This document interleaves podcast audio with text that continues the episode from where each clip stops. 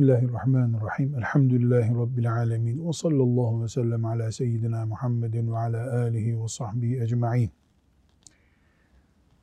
Riyazu Salihin'de Allah korkusunu anlatan bölüme geldik.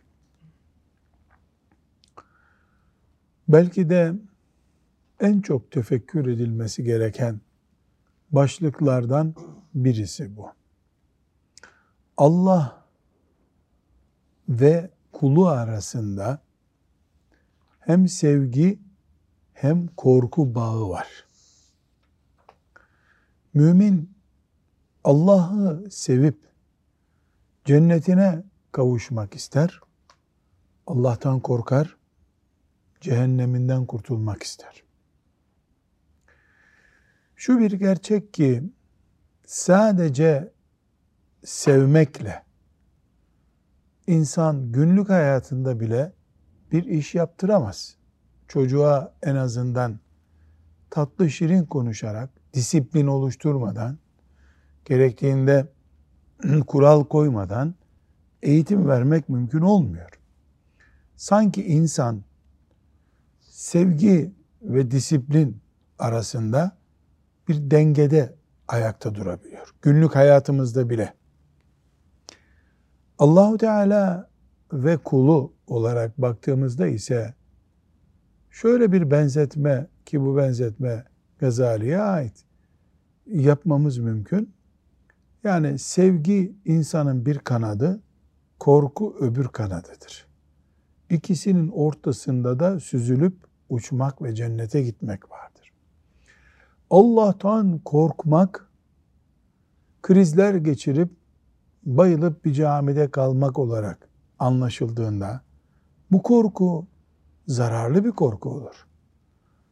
Allah'ı sevmek de istediğin gibi şımarmak şeklinde anlaşıldığında da e, bu da insanı bataklığa sürükler. İtidal yani denge gerekiyor. Nedir bu denge? Mümin Rabbinin rahmetine güvenir ama Rabbinden de korkar. Niye? Allah'ın cenneti de var. Cehennemi de var. Şeytan şöyle bir soru getirebilir zihinlerimize. Madem Allah kullarını seviyor, mümin kullarını seviyor. E niye onlara benden korkun diyor? Şimdi ayetler okuyacağız mesela. E, benden korkun diyor. Şundan dolayı. Korkuyu ve korkunun gerektirdiği sonuçları unuttuğu zaman insan bırak namaz kılmayı, oruç tutmayı. Yani onları yapmaz. Onu bırak vahşileşebilir bile. Değersiz bir şey için cana bile kıyabilir. Ahirette Allah'ın huzurunda hesap vermek gibi bir dert taşınmasa, yani insan Allah'tan ve azabından dünyada da ahirette de korkmazsa, o insandan korkulur bu sefer. Onun için Müslüman Allah'tan korktuğunda Kur'an'a sarılır, farzları yerine getirir, haramlardan kaçınır. Tıpkı cennet umudu diye bir umudu varsa güzel işler yapacağı gibi. Burada bir denge kuruluyor. Onun için e, Nevevi rahmetullahi aleyh Müslüman ahlakını e, oturtmak için yazmış olduğu bu Riyazu Salihin isimli kitabında Allah korkusunu ihtiva eden bir başlık da açmış. Bundan önceki başlıklarda Allah için sevmek, Allah'ı sevmek, Allah'ın sevdiği kul olmak konularını da gündeme getirmişti. Bu öbür kanadı insanın. Tek kanatla uçmuyor. Bu sebeple Müslüman gündemimizde kendi şahsi gündemimizde, aile disiplinimizde, çocuk eğitimimizde, öğretmenli olduğumuz yerde, müdür olduğumuz yerde cennet kadar cehennemin de var olduğunu bileceğiz. Allah'ı sevmek kadar Allah'tan korkmak gerektiğini de bileceğiz. Çünkü mesela Hristiyanlar e, Allahu Teala'ya iman ettiklerini söylüyorlar. Yani söylüyorlar ama böyle bir imanları yok onların. İman ettiklerini söylüyorlar. Ve ölen herkes de Hristiyan papaz tarafından kaldırıldığında cenazesi Tanrı'ya emanet diye sadece cenneti olan cennetten başka bir gücü müeyyidesi olmayan Allah tasavvur ediyorlar. Bu tabi kendi çizdikleri bir proje. Böyle bir Allah yok. Onların böyle her türlü cennet keyfini yerine getirmek için var olan bir Allah onlar istiyorlar haşa. Böyle bir şey olmaz. Nebevi rahmetullahi aleyh ayetler almış bu konuyu anlayalım diye. Bu ayetleri e, okuyalım. Bakara suresinin 40. ayetinde Allahu Teala İsrail oğullarına hitap ediyor. Ve Kur'an-ı Kerim'de bulunduğuna göre bu ayet bize de bu hitap var. Ne buyuruyor orada? O iyyâye ferhabun. Sadece benden korkun. Sadece benden korkun. Demek ki bu ayet çok ince bir şekilde Allah'tan korkan Müslüman ol ama sadece Allah'tan korkan Müslüman ol. Çok korku kaynakların olursa bu sefer düzgün bir hayat yaşayamazsın. Bir ondan korkup e, kenara çekilirsin, bir ondan korkup o bu tarafa çekilirsin. Her taraftan sıkıştırılınca insanın çömelip kaldığı gibi çok güçlerden korkan bir insan da Allahu Teala'dan gerçeğiyle korkamaz. Mesela fakirlikten dolayı ölmekten korkan birisi Allah'ın emirlerini yerine getiremez. Kafirlerden korktu, şundan korktu derken çok kimselerden değil sadece Allah'tan korkun emri bu. Hafız Salih Efendi e, öbür ayeti Burucu suresinde 12. ayet olarak okuyalım. İnne batşe rabbike leşedid. Şüphesiz Rabbinin yakalayıp tutuşu pek şiddetlidir. Evet. Burada korkun buyurmuyor Allahü Teala ama niye korkmamız gerektiğini izah ediyor. Rabbin yakaladı mı çok şiddetli yakalar. Yani buradaki yakalamak sen kaçıyorsun sonunda yakalıyor manasında değil. Seni tutmayı murad ettiği zaman tutar ve perişan olursun demek. Kul nere kaçacak ki zaten? Mülk Allah'ın. Nere kaçacaksın? Nere gitsen Allah'ın mülkündesin. Nefes alıyorsun. Evet. Hud, Hud suresinin 102, 103, 104, 105, 106. ayetleri var. E, bu ayetleri mealini hafız Salih okuyalım. Rabbim eski ümmetlerden örnekler veriyor ama bunlar bize veriliyor.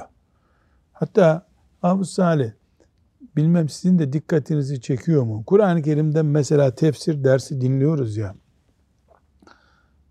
Mesela namazı, orucu anlatıyorsa Kur'an-ı Kerim o arada eski kavimlerden bir kavme örneğe geçiyor ayet. Şeytan sanki şöyle bir nefes aldı ya eski bölümlere geçildi. Yani sanki bize anlatılmıyor bu ayetler gibi. Halbuki allah Teala böyle bir duygu ben mi hep e, görüyorum yoksa yani insani bir hastalık bu herhalde. Bize anlatmıyor. Yani dinlemesi daha tatlı geliyor hocam. Aynı şeyleri O ifade güzel. Dinlemesi daha tatlı geliyor. Halbuki bu ayet sana okunuyor. Yani bunu allah Teala böyle birileri vardı senden önce. Böyle yaptılar. Sonları böyle oldu. Buyuruyor. Ee, bu sebeple eski ümmetleri anlatıyor Allah ama bize anlatıyor. Yani o, o duyurmak istediği biziz. Dinleyelim bu mealleri. İşte Rabbin kasabaların zalim halkını yakaladığı zaman böyle yakalar. Çünkü onun yakalaması çok acı ve çok çetindir. Şüphesiz ahiret azabından korkanlar için bunda elbette ibret vardır. O gün bütün insanların bir araya toplandığı bir gündür ve o gün bütün mahlukatın hazır bulunduğu bir gündür. Ya Allah. Hangi gün bu? Mahşer günü. Kıyamet günü, Kıyamet mahşer günü. Biz onu sadece sayılı bir süre için erteliyoruz. Evet. Altı çizilecek nokta bu. Yani kıyamet bugün kopmadı. Allah'ın azabı henüz gelmedi ama birkaç günü var dünyanın. O gün geldiği zaman hiç kimse onun izni olmadan konuşamaz. Oraya toplananlardan kimi bahtsız, kimi bahtiyardır. Bahtsızlar ateştedirler. Onların orada bir soluk alıp verişleri vardır ki Ya Allah. Zefirun ve şehik. Evet yani mümin bu ayetten ne çıkarır mesela? Bu mülkün sahibi Allah'tır. Üç gün kafirlere mühlet verdi diye salmadı Allah bu işin ucunu. Dolayısıyla bir gün hesap soracak, o günü sayıyor allah Teala diye düşünür mümin. Böyle düşünmediğin zaman boşlukta kalmış olursun. Şeytan da boşlukta kalanı yakaladı mı affetmez. Yakaladı mı affetmez. Evet. Ee, Ali İmran suresinin 28. ayeti var. ve yuhazzirukumullahu nefse. Allah sizi kendisinin emirlerine karşı gelmekten sakındırır. Yani siz siz olun Allah'a karşı gelmekten sakının.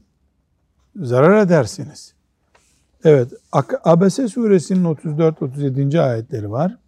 O gün kişi kardeşinden, anasından, babasından, eşinden ve oğullarından kaçar. O gün onlardan her birinin kendisine yetecek derdi vardır. Evet. Tekrar kıyameti hatırlattı Allahu Teala. Tabi insanın buradaki zafiyetine kıyamete var canım daha çok var. Zannetmesidir. E, halbuki diyelim kıyamete 500 sene daha var. Diyelim. 10 dakika sonra da ben öldüm. E benim kıyametim koptu. Çünkü ben ölür ölmez toprağın altına konacağım. Soluğu bir daha kabirdeki hayatı iyi oldu veya olmadı ayrı bir mesele. Soluğu bir daha mahşerde alacağım. Ben bir daha düzeltme imkanım yok. İyilik yapma imkanım yok. Bitti benim için. Benim için 10 dakika içinde bitebilir. Hatta 10 dakikayı bulmayabilir. Düşünmedikçe insan kıyameti savsaklar. Var var var daha asırlar var. Öyle değil. Her dakika kıyamettir diye düşündüğü zaman mümin iyi mümin olma yolunda devam ediyor demektir. Hac suresinin birinci ve ikinci ayetlerini okuyalım. Ey insanlar! Rabbinizden korkun. Çünkü kıyamet vaktinin depremi cidden korkunç bir şeydir. Onu gördüğünüz gün her emziren emzirdiğinden geçer. Her gebe yükünü bırakır. İnsanları sarhoş görürsün. Oysa sarhoş değildirler. Ama Allah'ın azabı şiddetlidir. Tabi burada ne tarif ediliyor şimdi? Kıyamet, Kıyamet başladığı evet. sahne. Ayeti Celile tabi muhteşem bir örnek veriyor. Anne emzirdiği çocuğunu fırlatıp atıyor. Dünyada yapılacak en son şey bu herhalde. Yani anne çocuğunu bırakar mı? Fakat öyle bir şey ki o kıyamet sarsıntısı başladığında annelik de kayboluyor. Anne diye bir şey olmuyor. Evlat diye bir şey olmuyor. Ee, işte herkes mesela kadın hamile hamileliği düşüyor korkudan. Ee, insanlar sarhoş gibi oluyor. Halbuki sarhoş değiller. Sarhoş gibi avare dolaşıyorlar. Bu aylarca sürmeyecek tabi. Belki birkaç dakika içinde olup bitecek bir şeyi Allah böyle bize örnek veriyor. İbret alan kulları için. Bir şey mi söyleyeceksin Hasan Hocam? 99 depreminde abimgil e, Fatih'te e, altlı üstlü çocuklarla beraber oturuyorlar. Deprem olunca yengem ve abim dışarı çıkmışlar. Çocuklar hiç aklına gelmiyor. Yani o dehşet anında bile kimsenin aklına herkes kendi nefsini düşünüyor yani. Ya, halbuki çocukları için ölecek abi, adamlar onlar tabii. Mesela şey olsa ay çocuğu bırakır mı? İşte o andaki şey ya epey zaman geçiyorsa eyvah çocuklar aşağıda diyor. Bir sefer çocukları gelip uyandırıyorlar. Ama burada sanki kıyamette o 99 depremi gibi kopacak zannedersek büyük yanlışlık olur tabii. Ya nerede kaldı ki binde biri bile değil belki onun. Evet. Yani 99 depremi. Yani ufacık bir şey bile yani dünyadaki olan bir sarsıntı. Yüzde yüz öyle. Yüzde yüz öyle. Ya Rahman Rahimin o gün yardım et bize ya Rabbi. Yani iyisi o güne kalmamaktır. Çünkü iman eden kullarını aldıktan sonra Allah dünya böyle olacak. Yani kelime-i tevhid ehline Allah bu acıyı tattırmayacak. Kafirlerin üzerine dünya yıkılacak. Ya Rabbi o gün imanımızla sana gelmiş olalım da yani bu azaptan Rabbimizi muhafaza buyursun. Bu ayeti bir daha okuyalım mı halinize Hocam? Hac suresinin ayetini. Ey insanlar! Rabbinizden korkun. Çünkü kıyamet gününün, kıyamet vaktinin depremi cidden korkunç bir şeydir. Onu gördüğünüz gün her emziren emzirdiğinden geçer. Her gebe yükünü bırakır. İnsanları sarhoş görürsün. Oysa sarhoş değillerdir. Ama Allah'ın azabı şiddetlidir. Evet. Yani bunu düşünemeyen bir insan elbette haram nedir, helal nedir onun için artık önemli değil olur maazallah. Ahireti unutmamak lazım vesselam. Ahireti unutmamak lazım. Şimdi dikkat ettiysen Hafız Salih Nevevi biraz önce dersten önce konuştuk ya mantıklı bir oturtma yapıyor Riyazu Salih'inde. Bak Allah korkusu diye başlık açtı kıyameti anlatan ayetler getirdi. Çünkü bizden Allah çok korkuyoruz diye slogan atmamızı istemiyor ki.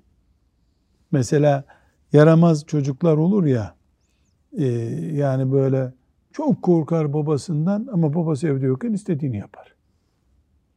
Akşam geldi mi babası ona bağırır, çağırır, belki döver. Öbür gün gene aynı şeyler. Ee, yani Müslüman Allah'tan çok korkuyorum deyip hatta vaaz dinlerken mesela ağlıyor insanlar. Ama çıkarıp cüzdanındaki faiz hesaplarını yırtıp atmıyor o arada. Eşine zulmetmekten vazgeçmiyor. Bildiğini gene yapıyor. Yani ayet okuyorsun, ağlıyor. Ayetleri dinlerken hacca gidiyor, gözyaşına boğuluyor. Değil mi? Babasının cenazesini gömerken bu, bu da gömülecek herhalde bunlar. Yani öyle gitti zannediyorsun. Eve geldi mi eski tas, eski hamam diye bir deyim var. Bilmem size kullanılıyor. Eski tas, eski hamam. Yani bir şey değişmemiş oluyor.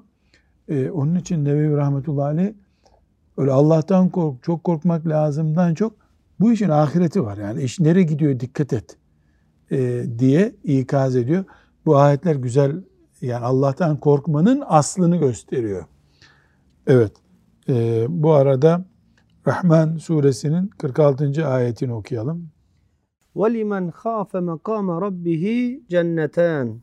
Rabbinin makamından korkan kimseye iki cennet vardır. Allah, elhamdülillah ya Rahman Rahimin. Allahümme cealna minhum. Burada makam kelimesi Türkçe'de e, işte bir müdürün oturma odasına deniyor değil mi? Makamın başka bir manası yok Türkçe'de. Ama Allah'ın makamı büyüklüğü zatı demek. Yani Allah'ın makamından yani Allahu Teala hakkındaki sana ait hissiyat nedir? Allah deyince aklına ne geliyor?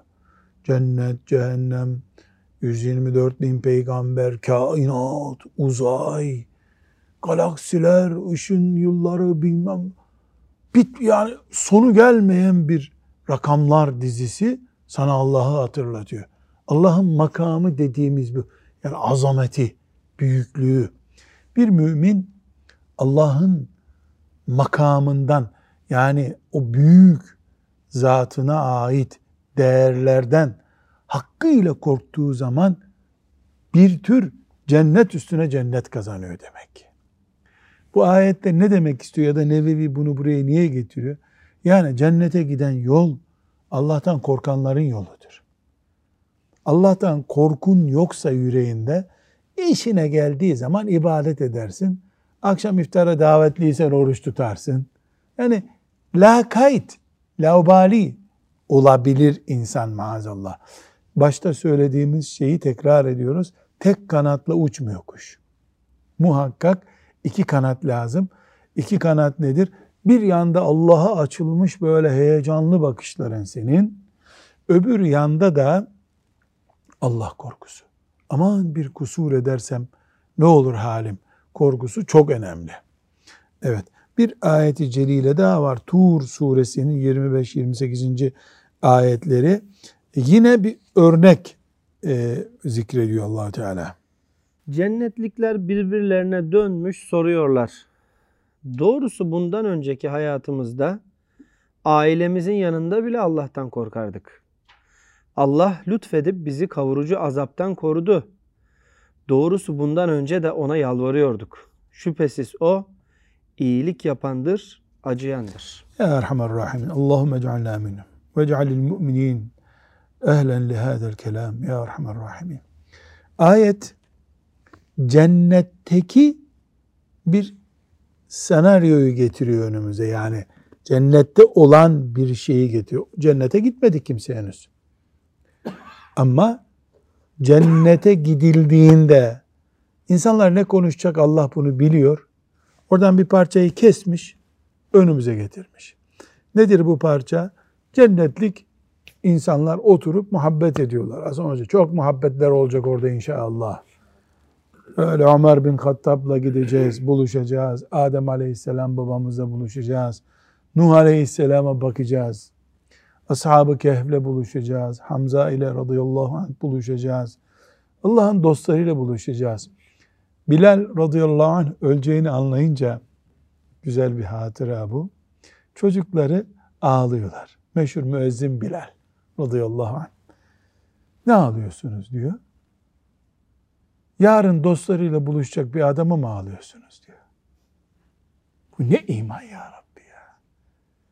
Kendisi de ölüm acısını biliyor ama yani o anda bile ne düşünüyor? Dostlarımla buluşmaya gidiyorum.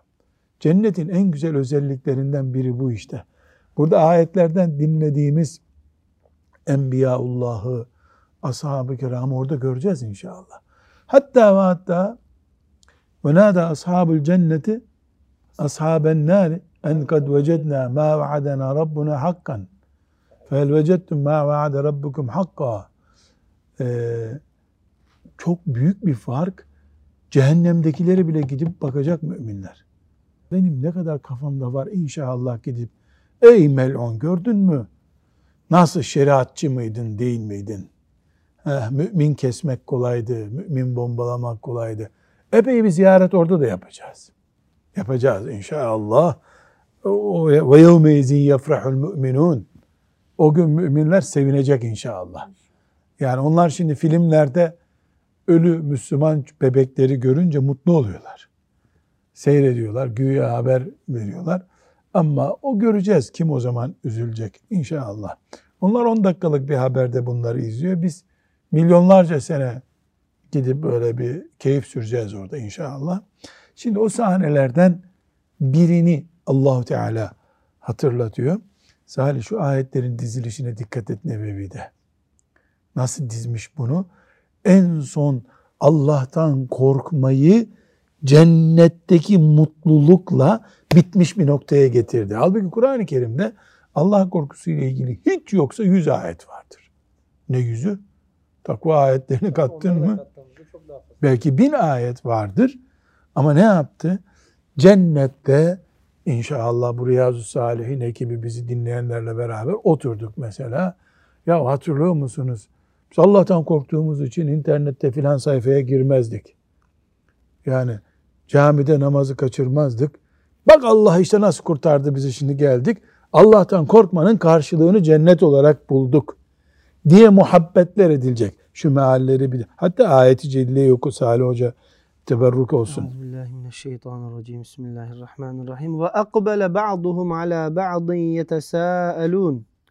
قالوا إنا كنا قبل في أهلنا مشفقين فمن الله علينا ووقانا عذاب السموم إنا كنا من قبل ندعوه إنه هو البر الرحيم Cennetlikler birbirlerine dönmüş soruyorlar. Soruyorlar yani o günkü manzara. Doğrusu bundan önceki hayatımızda Yani dünyada ailemizin yanında bile Allah'tan korkardık. ya Rab bunun altı çizilecek. Dışarıda zaten haram işlemiyorduk. Karı koca bir aradayken de dikkat ederdik biz. Çünkü orada herkes serbest gibi duruyor ya öyle değil. Bu benim karım nasıl olsa bir şey diyemez diye kadına hakaret etmezdim. Neticesi ne oldu? Allah'tan korktuğum için hanımımın hakkına riayet ettim. O da Allah'tan korktuğu için kocasının hakkını, hukukunu bildi. Ah sana cennet işte oldu. Ya Erhamer Rahimin. Allah da lütfedip bizi kavurucu azaptan korudu. Ya Doğrusu bundan önce de ona yalvarıyorduk. Şüphesiz o iyilik yapandır, yani Allah acıyandır. Allah El Berrur Rahim El Berrur Rahim El Ber kullarına iyilik yapan demek. El Rahim kullarına acıyan demek. Ya Erhamer Rahimin. Şu Riyazu Salihin sebebiyle duyduğumuz bu hakikatlara bizi, bu dinleyen kardeşlerimizi, mümin kardeşlerimizi ehil eyle ya Rabbi. Şu muhabbeti e, Resulullah sallallahu aleyhi ve sellemle buluştuğumuz cennette yapan kulların arasına bizi de kat ya Rabbi ya Erhamer Rahimin. Kalplerimizi incelt. Kalplerimizdeki katılıkları, kabalıkları yumuşat ya Rabbi. Ve sallallahu ve sellem ala seyyidina Muhammed. Evet 397. hadis-i şerife geldik. Ya Allah şu Nebevi'ye bir rahmet eylesin. Ne kadar güzel okunmasına vesile oldu bu ayet-i cellelerin. Evet. Şimdi İbn Mes'ud radıyallahu anh'ın rivayet ettiği çok önemli bir hadisi şerif. Ee, belki de bugün dünyada ne olduğunu, niye bu tür garip bir dünyada yaşadığımızı anlamamıza yardım edecek çok muhteşem Bukhari'de ve Müslim'de rivayet edilen müttefekun aleyh bir hadisi şerif.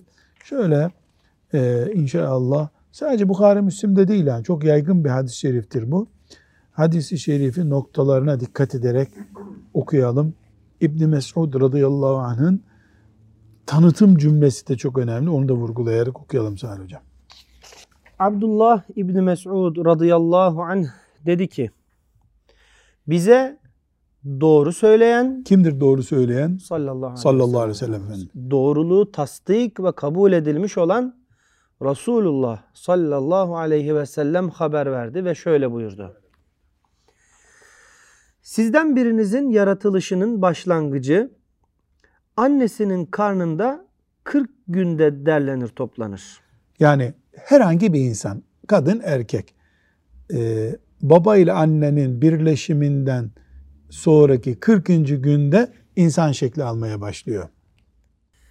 Sonra ikinci 40 günlük süre içinde pıhtı haline döner. 80. günde ne oluyor? Kandan bir şekle dönüşüyor.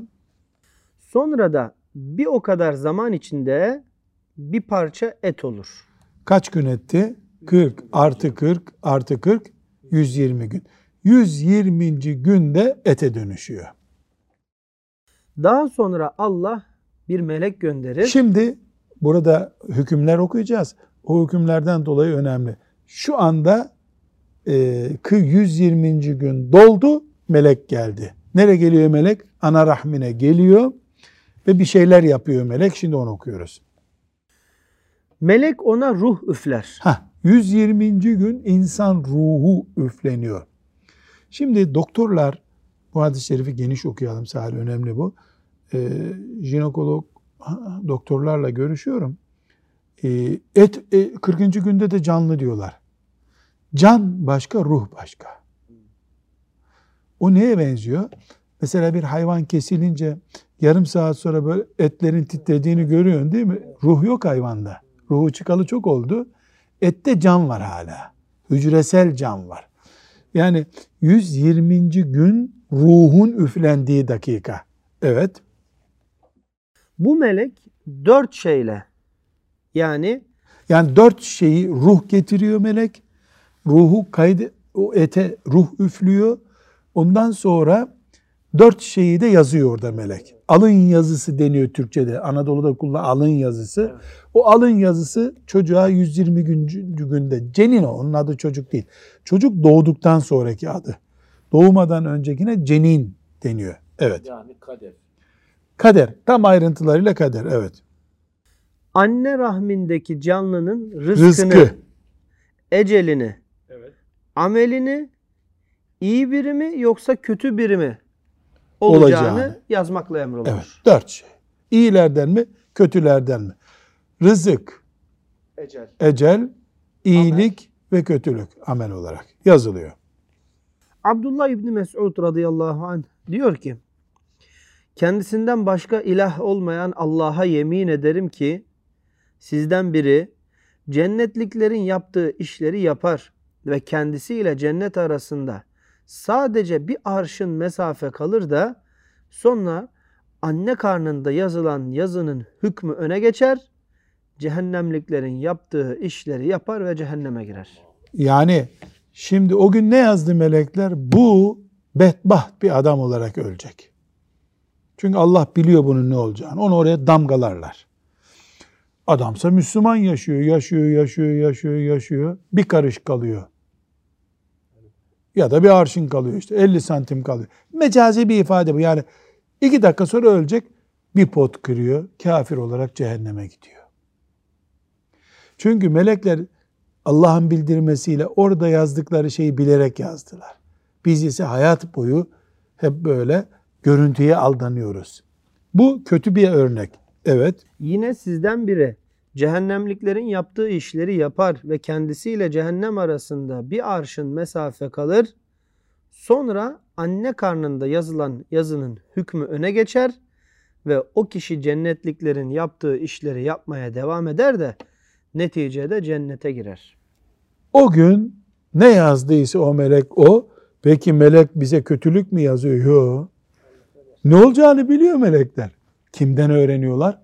Allah sonumuzu görüyor da bu böyle diyor. Ebu Cehil'in sonunun ne olacağını biliyordu Allah. Ömer'in sonunun da ne olacağını biliyordu. Böylece allah Teala'nın kimseye zulmettiği yok.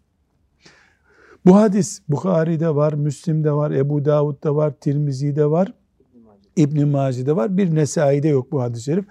Bu kütüb dışındaki başka kaynaklarımızda da var. Bu hadis çok muhteşem bilgiler ihtiva ediyor ve aynı zamanda da bu hadis büyük bir mucize. Neden büyük mucize? Çünkü Efendimiz sallallahu aleyhi ve sellemin gününde ultrasyon var mıydı? Yoktu. Röntgen var mıydı? Yoktu. E, Efendimiz sallallahu aleyhi ve sellem ultrasyonla izlenmiş gibi 40 artı 40 artı 40 diyor. Bugün geliniyor, ultrasyon var, röntgen var, radarla takip edilir gibi çocuk takip ediliyor. Hatta çocuğun göz gözleri yerinde mi, kalp kapakçığı sağlam mı, kapağı kalbi delik. Yani böyle normal diri insana bakıp sen göremediğin şey ana rahminde izleniyor şu anda. Ama biri çıkıp da e, 100. günde değil bu 250. günde oluyor böyle demedi henüz. Teknoloji geldi böyle yani bir elin öbür ele gelince nasıl mesela böyle tıpatıp aynısı oluyor. Böyle geldi Efendimizin söylediğini söyledi. Ya Allah! Hem Abdullah İbni Mesud peygamberine nasıl güvenerek başladı lafa? Doğru söyleyen, doğruluğu doğruluğunda şüphe olmayan peygamberim dedi ki benim dedi. Abdullah İbni Mesud da bir tabu oldu bu sefer ölümüzde. Elhamdülillah. Sahabenin ne kadar doğru şeyler duydukları anlaşıldı. Asırlar sonra gelindi Efendimiz sallallahu aleyhi ve selleme e, bir e, büyük destek gelmiş oldu sallallahu aleyhi ve sellem. Bu hadisi şerif böyle muhteşem bir şey. E, ikinci dik bu bundan çıkacak ders imanımız var ya kaza ve kader. Allah'ın kaderine iman. Ya Rabbi ne büyük bir şey bu ya.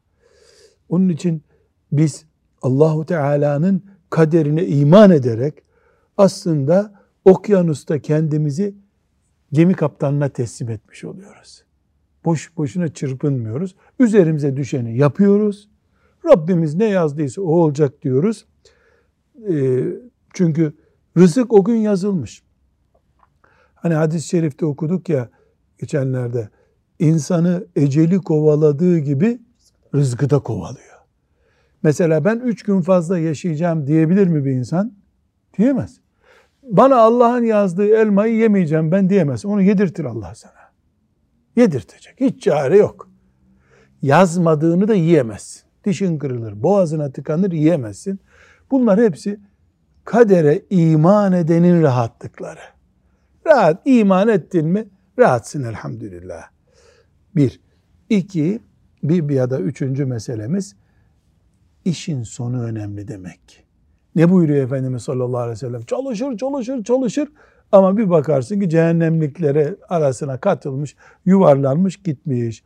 O zaman Müslümanların kötü bir akibetten sakınma diye dertleri olacak. Mesela insan çocuğuna ya Rabbi çoluk çocuğuma sıhhat ve afiyet ver diye dua etmeli mi? Etmeli. Ama şunu da etmeli Hasan hocam. Ya Rabbi bana da çocuklarıma da iyi bir son nasip et. Hüsnü hatime deniyor değil mi buna? Ne demek hüsnü hatime? Güzel son. Su-i hatime neye deniyor? Kötü son. Yani Müslüman böyle bir dua da yapması lazım. Ya Rabbi bize kelime-i tevhidli gün nasip et. Tabi şimdi bunu bir gence söylesen hakaret olabilir. Daha ihtiyar mıyız yani? Sanki hep ihtiyarlar ölüyor gibi. Bu cahilce bir düşünce. Hayır birbirimize mesela çok iyilik yaptı bir Müslüman sana. Allah sana husnü hatime nasip etsin. Bundan güzel dua olur mu? Etmek lazım bu duayı. Şimdi niye çekiniyoruz bundan? E, daha bunun ömrü var. Böyle bir garanti yok ki. 80 yaşında milyonlarca insan var dünyada. 8 yaşında ölmüş milyonlarca çocuk da var. Şimdi bile yani. Son bir aylık ölüm istatistiklerini ele alsak. Bu ölüm istatistiklerinde 80 e, yaşında milyonlarca insan yok mu dünyada? 8 yaşına gelmeden 10 yaşına gelmeden ölmüş kaç bin çocuk var dünyada? Ne bini ya? Milyonla çocuk vardır. Daha anasından doğduğunun ertesi günü küvezde ölüyor çocuklar. Dolayısıyla hüsnü hatime yani Allah sana kelime-i tevhidli bir son nasip etsin. Hatta hadisi şerif hatırlıyor musunuz? Allah bir kulu sevdi mi onu kullanır diyor. Hadi Efendimiz. Ya Resulallah nasıl kullanır? Ölmeden önce ona iyi şeyler yapmayı nasip eder. Bu hadis bana çok dikkatimi çekiyor. Bunu da bana kim hatırlattı biliyor musun? Çok yakın bir zamanda bir alemi ziyarete gittim. Artık gözleri görmüyor. Yani böyle kitaptan kalemden e, el eteğini çekmiş. Çok ciddi rahatsızlıkları da vardı. İşte konuştuk. E, dualar ettim. Dua istedim. Ya dedi hafız bana çok dua et dedi. Allah beni sevmediğine dair işaretler verdi dedi. Nereden verdi hoca efendi dedim. Ya ben ona moral vermeye gittim güya. Hem de hasta ziyaret edeceğiz. Dedi ki beni sevseydi en sonunda hadis okuturken alırdı ruhum. Bak masam kalktı dedi. Halbuki ben istiyordum ki hadis okuturken. Dedim e, ben okuttuğunuz hadisleri devam ediyorum. Size yazılmıyor mu bunlar dedim. Bana icazet verdiniz bak. Siz rahleden kalktınız sayılmaz. Ben devam ediyorum dedim. İyi iyi Allah razı olsun senden dedi ama çok içi açılmadı. Demek ki e, aslında da öyle. Hoca efendi kaç kişiye icazet verdi. Hepsi hadis halkalarında ona yazılıyor. Hatta mezarındayken de o yazılacak. Ama böyle düşünmek hoşuma gitti. Demek ki insan beni rahlede al ruhumu ya Rabbi deniyor. E, Çaykara ilçesinde Hacı Hasan Efendi diye biri var. Çok fakih bir zat. Bu yani epey oldu vefat edildi rahmetullahi aleyh. Onun bir talebesiyle karşı, ben onunla karşılaşma imkanım olmadı. Yani çok erkenlerden vefat ediyor. Allah rahmet eylesin. Dedi ki hocamız dedi her gittiğimizde ben dua edeceğim amin deyin der dedi. İşte duası Ya Rabbi rahlemde ruhumu al. Ya Rabbi rahlemde onunla da amin derlermiş de. Yani önemsemeden amin derlermiş. Mülteka okuturken ölmüş. Yani ben talebesinden duydum. Dediğim gibi benim yaşım Onunla oturup kalkmaya müsait değil. Rahmetullahi aleyh. Ömrü boyu okuttuğu kitapla Rabbine kavuştu. Onun için hüsnü hatime çok iyi bir dua. Hasan hocam sen bana öyle dua et. İnşallah. Allah sana hüsnü hatime nasip etsin. Ben de sana da derim. Yani neden? En büyük hedef o. Çünkü ne diyor İbn Mesud radıyallahu anh? Çalışır çalışır kötü gider. Ama bakarsın da adamın nasibi son anda da toparlıyor adam. Bu hadis bize bir şey daha öğretiyor. Kanaat gibi bir silah yok demek ki. Hadisten o çıkıyor çünkü. Allahu Teala kuluna rızkını yazdı. Mümin de bunu garanti biliyorsa kanaatkardır. Kanaat ne demek? Rabbimin verdiğiyle yetiniyorum demek. Çalışmamak anlamında değil bu ama. Yani çalışmaya gerek yok. Otur, o manada ben çalıştım bu kadar verdi Allah. Amenna ve saddakna. Hadis bir şey daha öğretiyor. Bu yazgıyı Allah yazıyor. 80 sene sonra son nefesi nasıl olacak kulunun onu biliyor. Ne yiyecek, ne içecek biliyor. Allah'ın bilgisi deyince bizim yani ansiklopedik bilgilerimizle filan karşılaştırmak büyük bir cahillik. Rabbim bu hadisi şerifin bereketini görmeyi bize nasip etsin.